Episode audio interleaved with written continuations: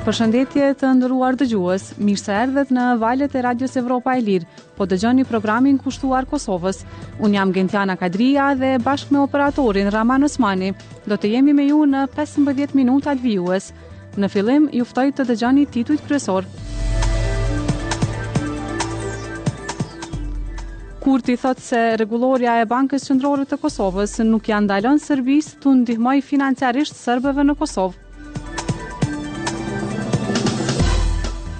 Grafite të reja në veri me nënshkrim të Brigadës së Veriut. Universiteti i Prishtinës me libra të vjetër dhe pa qasje në revista shkencore. Për këto dhe të tjera informacione të zgjeruara, ju ftoj të qëndroni me ne. Radio Evropa e Lirë është media e pavarur amerikane e themeluar nga Kongresi i Shteteve të Bashkuara të Amerikës. Misioni ynë është promovimi i vlerave dhe institucioneve demokratike. Kryeministri i Kosovës Albin Kurti i është drejtuar të dielën komunitetit serb në Kosovë duke i thënë se rregullorja e Bankës Qendrore të Kosovës nuk ia ndalon Serbisë që t'u ndihmojë atyre dhe Kosova nuk e ka ndaluar dinarin, ashtu sikurse asnjë valutë tjetër. Ai i është referuar rregullores së Bankës Qendrore të Kosovës që ka hyrë në fuqi më një shkurt, e cila parasheh që valuta e vetme për kryerje të transaksioneve me para të gatshme është euroja. Për Kurtin, çdo interpretim tjetër i rregullores përbën fushatë mbi baza të rreme. Më shumë rreth adresimit të Kurtit, të bërë në gjuhën serbe, na sjell Mimoza Sadiku. Kryeministri i Kosovës, Albin Kurti, teksa i është drejtuar komunitetit serb, ka përsëritur se rregullorja e Bankës Qendrore të Kosovës për operacione me para të gatshme synon formalizim të pagesave. Pra, Kosova nuk e ndaloi dinarin, ashtu siç nuk e ndaloi as dollarin, as funtën e as frangun zviceran. I vetmi ndryshim është se nga një shkurti Paratë nuk mund të kalojnë kufirin me thasë, siç nuk mund të bëhet në asnjë shtet demokratik, por mund të vijnë përmes llogarive bankare të tërhequra në euro, tha Kurti përmes një videoadresimi në gjuhën serbe. Serbia e ka kritikuar ashpër rregulloren e BQK-së, duke e interpretuar si synim të Qeverisë së Kosovës për dëbim të serbëve. Shteti serb ndan miliona euro për serbët në Kosovë, pasi ua paguan atyre, përmes një sistemi paralel, rrogat, pensionet dhe ndihmën shtesë. Banka Popullore e Serbisë i ka dërguar prej vitesh dinarët në një kasafortë në komunën e Leposaviqit në veri të Kosovës dhe ato më pas janë transportuar nga kompania ndërkombëtare Henderson. BQK-ja ka thënë se një praktikë e tillë është e paligjshme. pasi vetëm ajo mund të bëjë eksport dhe import të monedhave dhe kartëmonedhave brenda territorit të Kosovës. Autoritetet e Kosovës kërkojnë që serbët në Kosovë të hapin llogari në ndonjërën prej bankave komerciale të licencuara. Shteti serb më pas mund t'i nisë fondet në dinarë, por ato me automatizëm konvertohen rrugës në euro. Kurti u ka rikujtuar serbëve se do të mund të hapin llogari në euro pa pagesë dhe që një pjesë e serbëve veçse përfitojnë prej skemave sociale të shtetit të Kosovës. Çdo muaj më shumë se tridhjetë e tre mijë pjesëtarë të komunitetit serb marrin pensione nga Republika e Kosovës. Dy mijë e dyqind e pesë familje marrin ndihmë sociale, katër mijë e dyqind e njëzet e katër familje marrin ndihmë për fëmijët, dhe një mijë e treqind e shtatëdhjetë e dy familje marrin ndihmë për gratë lehona dhe nënat me fëmijë, gjithçka përmes llogarisë bankare të hapur në euro, tha Kurti. Edhe Kurti, sikurse zëvendëskryeministri i Kosovës Besnik Bislimi, ka thënë se do të ekzistojë një tranzicion në këtë proces. Faktori ndërkombëtar e ka kritikuar qeverinë e Kosovës pse nuk e ka shtyrë afatin për zbatimin e rregullores së BQK-së, duke thënë se duhet më shumë kohë për adaptimin e komunitetit serb me vendimin. Ditëve të fundit, BQK-ja ka vendosur në dispozicion një linjë telefonike falas që serbët të mund të informohen më shumë për rregulloren e re. Kushtetuta e Kosovës përcakton se duhet të ekzistojë vetëm një valutë për kryerje të pagesave me para të gatshme. Kosova nuk është pjesë e Eurozonës, të cilën e përbëjnë njëzet vende anëtare të Bashkimit Evropian, por e ka euron si valutë kryesore prej vitit dy mijë e dy. Mbesim te çështja e dinarit, për të cilin në Mitrovicë të Veriut tani ka filluar një protestë e serbëve lokalë, Protesta e sotme është përkrahur nga sindikata që përfaqëson punëtorët e sistemit paralel të Serbisë në Kosovë. Përmes një reagimi të përbashkët, kjo sindikatë ftoi për pjesëmarrje në protestë të gjithë punëtorët e sistemit të Serbisë në Kosovë, përfshirë ata të arsimit, shëndetësisë, veprimtarive kolektive banesore, punëtorët e postës dhe sindikatës së punëtorëve të Trepçës.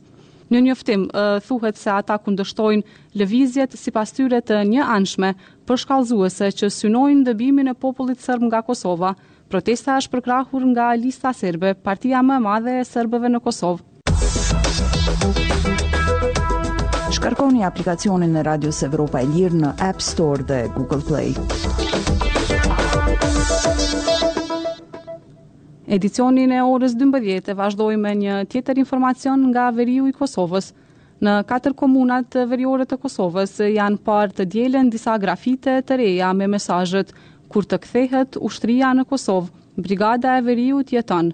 Zëvendës drejtori i Policisë së Kosovës për rajonin e Veriut, Veton Elshani, i ka thënë Radios Evropa e Lirë se prokuroria ka iniciuar rast për shkak të përhapjes së urrejtjes. Sipas tij, ende nuk dihet se kush i ka krijuar grafitet. Qeveria e Kosovës e ka shpallur Brigadën Veriore dhe Mbrojtjen Civile si organizata terroriste në fund të qershorit të vitit dy mijë e njëzet e tre. Besohet se këto dy organizata veprojnë në veri të Kosovës dhe numërojnë qindra anëtarë nga radhët e komunitetit serb. Kjo nuk është hera e parë që Brigada e Veriut ka bërë grafite të tilla në veri të Kosovës. Në disa prej tyre ishte thënë, mos u shqetësoni, ne jemi këtu, po presim. Po ashtu, dhjetë ditë para sulmit ndaj Policisë së Kosovës nga një grup i armatosur serb në Banjskë të Zveçanit, vitin e kaluar në Mitrovicë të Veriut, është parë grafiti Kur ushtria të kthehet në Kosovë. Në grafitet e reja në Mitrovicë të Veriut, Zveçan, Leposaviq dhe Zubin Potok, përmendet se autore është Brigada e Veriut. Grafite me mbishkrime identike janë shfaqur në qytetet e Serbisë qysh prej mesit të vitit të kaluar, Grafitet e reja janë parë në veri të Kosovës në kohën kur serbët janë duke shfaqur pakënaqësi lidhur me vendimin e Bankës Qendrore të Kosovës për ta bërë euron si valutë të vetme për kryerjen e pagesave dhe duke pamundësuar kështu përdorimin e dinarit serb për transaksione. Serbia ndan fonde për serbët në Kosovë dhe ua paguan rrogat, pensionet dhe ndihmat sociale në dinarë serbë. Ditëve të fundit, autoritetet e Kosovës i kanë mbyllur edhe shtatë institucione paralele serbe, të cilat Kosova i konsideron ilegale me Kushtetutë. Komuniteti ndërkombëtar i ka bërë thirrje Kosovës që të mos marrë vendime që ndikojnë negativisht te komuniteti serb në Kosovë dhe t'i shmangë tensionet. Perëndimi i ka kërkuar nga Kosova dhe Serbia t'i zgjidhin të gjitha çështjet e hapura në kuadër të dialogut të ndërmjetësuar nga Bashkimi Evropian prej vitit dy mijë e njëmbëdhjetë. Në evropaelire.org mund të lexoni materiale dhe analiza ekskluzive nga vendi, rajoni dhe bota. Vazhdojmë tani me një lajm nga Ferizaj, ku dhjetë persona janë lënduar pas shpërthimit të një zjarri në një ndërtesë kolektive. Rasti ka ndodhur në orët e vona të njëmbëdhjetë shkurtit. Sipas Policisë së Kosovës, nëntë persona kanë pësuar lëndime trupore dhe një zjarrfikës, të cilët janë dërguar për trajtim mjekësor në Qendrën Klinike Universitare të Kosovës. Autoritetet thanë se pos të lënduarve ka edhe dëme materiale. Policia tha se ende nuk dihen shkaqet e shpërthimit të zjarrit. përderisa shtoi se me të marrë informacionin për shpërthimin e zjarrit, në vendin e ngjarjes dolën njësitë e zjarrfikësve, njësitë policore dhe ato emergjente. Të nderuar dëgjues, ndërrojmë tani temën e informacionit dhe flasim për librat me të cilat shërbehen qindra studentë nëpër disa fakultete të Universitetit të Prishtinës. Edhe pse e përshkruan veten si baza kryesore e kërkimit shkencor në vend, Universiteti i Prishtinës nuk ka ndonjë abonim nëpër revista shkencore ndërkombëtare. Njohësja e zhvillimeve në fushën e arsimit, Arbisa Shefkiu, thotë se kjo ndikon në cilësinë e arsimit në Universitetin e Prishtinës, pasi që në këto revista publikohen gjetjet e fundit në të gjitha fushat e studimit, Më shumë detaje për këtë çështje mësojmë nga raporti i përgatitur nga gazetarja Doruntina Baftiu. Me libra të publikuar dekada më parë, shërbehen qindra studentë nëpër disa fakultete të Universitetit të Prishtinës. Shumë prej programeve të studimit në këtë universitet publik nuk i kanë publike syllabuset e tyre, por disa prej tyre mund të gjenden online. Në syllabusin e publikuar online për lëndën kompjuterikë në Fakultetin e Inxhinierisë Elektrike dhe Kompjuterike, të njohur si FIEK, libri i përshkruar për artin e programimit kompjuterik është publikuar në vitin një mijë e nëntëqind e nëntëdhjetë e nëntë. Përkundër që viteve të fundit, fusha e shkencave kompjuterike është zhvilluar hovshëm, duke çuar edhe në paralajmërime për rreziqet nga inteligjenca artificiale, studentëve u përshkruhet material rreth njëzet e pesë vjet i vjetër. Ekspertja e zhvillimeve në fushën e arsimit, Arbisa Shefkiu, thotë se gjendja në UP sjell shqetësime të thella dhe sfida, të cilat sipas saj, nuk po adresohen me seriozitet nga menaxhmenti. Mungesa e burimeve shkencore dhe literaturës adekuate në bibliotekat e fakulteteve paraqet një pengesë serioze për zhvillimin e njohurive dhe krijimin e një mjedisi të pasur akademik, thotë Shefkiu. Ajo beson se rekomandimet e Agjencisë Kosovare për Akreditim të vitit dy mijë e njëzet, sipas të cilave duhet të rriteshin investimet në hulumtime, të përmirësoheshin burimet shkencore dhe të zgjerohej bashkëpunimi ndërkombëtar, janë ende relevante dhe të domosdoshme për të përmirësuar cilësinë e arsimit në UP. Radio Evropa e Lirë ka vizituar FIEK-un, ku studentë të pranishëm kanë shprehur mendime të ndryshme për literaturën që u jepet për të studiuar. Literatura është llom, tha njëri ndër studentët që po qëndronte para dyerve të fakultetit. Një tjetër grup i djemve thanë se, në fakt, literatura e përmendur në sylabus nuk përdoret fare dhe se ata mësojnë vetëm nga materialet që i prezantojnë profesorët gjatë ligjëratave. Asnjëri prej studentëve me të cilët foli REL-i nuk ishte në dijeni për revistat e ndryshme shkencore për fushat e tyre të studimit, por disa thanë se mendojnë që literatura është adekuate për mësimet bazë që marrin në fillim të studimeve. Radio Evropa e Lirë ka pyetur në zyrën e Rektoratit të Universitetit të Prishtinës se pse nuk është bërë abonimi me pagesë në revista shkencore ndërkombëtare, por nuk ka marrë përgjigje. e as nga FIEK-u nuk kanë pranuar ta komentojnë literaturën që u caktohet studentëve. Sipas sylabuseve të publikuara në uebfaqet e fakulteteve të UP-së, as artikuj shkencorë të publikuar nëpër revista shkencore të qasshme pa pagesë nuk janë përfshirë në planet e studimit.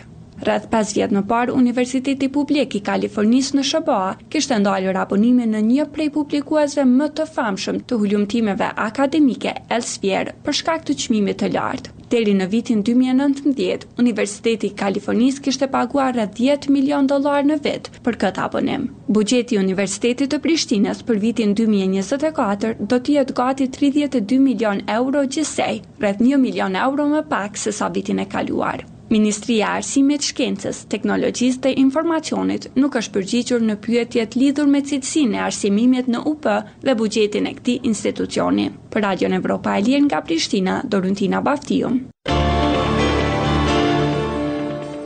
Në vazhdim, kronika nga bota.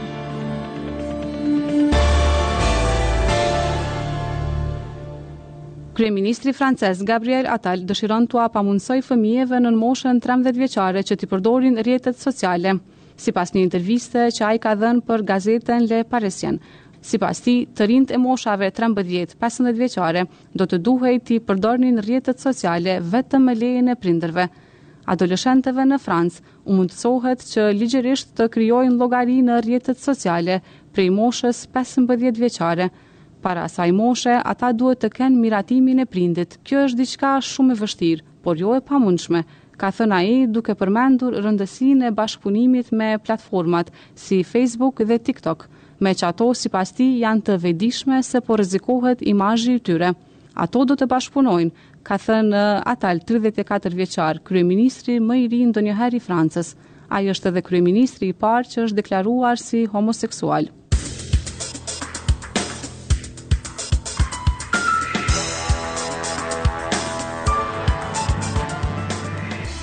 Të nderuar dëgjues, me këtë informacion e përmbyllim edicionin e orës 12 këtu në Radion Evropa e Lirë. Për më shumë lajme, vizitoni faqen tonë në internet evropaelire.org. Jemi aktiv edhe në rrjetet sociale, në Facebook, X, Instagram dhe YouTube. Faleminderit për vëmendjen dhe mirudëgjofshim në edicionin e orës 16.